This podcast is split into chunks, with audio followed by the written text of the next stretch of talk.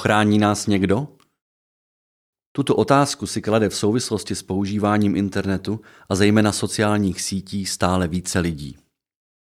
A zcela oprávněně. Proč a čeho bychom se ale měli bát? Mnozí lidé používají sociální sítě zcela bez zábran. Píšou o sobě a svých blízkých, vkládají fotky a videa svých dětí a známých v nejrůznějších situacích, rozepisují se o svých náladách, životních postojích a plánech. A jsou přesvědčeni, že to vše vidí jen jejich přátelé a že se nemůže nic stát. Může. Za prvé, většina lidí si vůbec nepřečetla smluvní podmínky používání dané služby.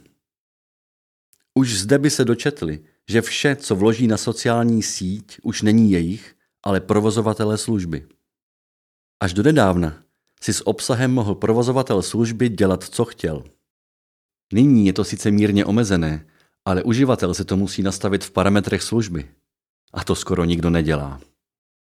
Za druhé, obsah nevidí jen takzvaní přátelé, ale teoreticky kdokoliv. Stačí se jen trochu snažit. A za třetí, firmy dávají k dispozici data o svých uživatelích třetím stranám. To vše způsobuje, že životy lidí nejsou v jejich rukou, ale v rukou někoho jiného. Ten je pak zpětně ovlivňuje reklamou, falešnými zprávami, podsouváním názorů a celkově s nimi manipuluje. Lidé by proto měli být opatrní, ale nejsou. Proto existují nařízení jako GDPR.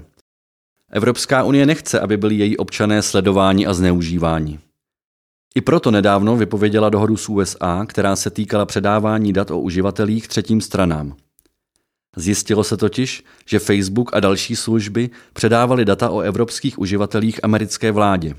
Kromě Evropské unie má podobnou ochranu už jen stát Kalifornie a Brazílie. Takže, i když jsme jako občané Evropské unie chráněni mnohem lépe než lidé mimo Unii, musíme si dobře rozmyslet, co a kde o sobě sdílíme.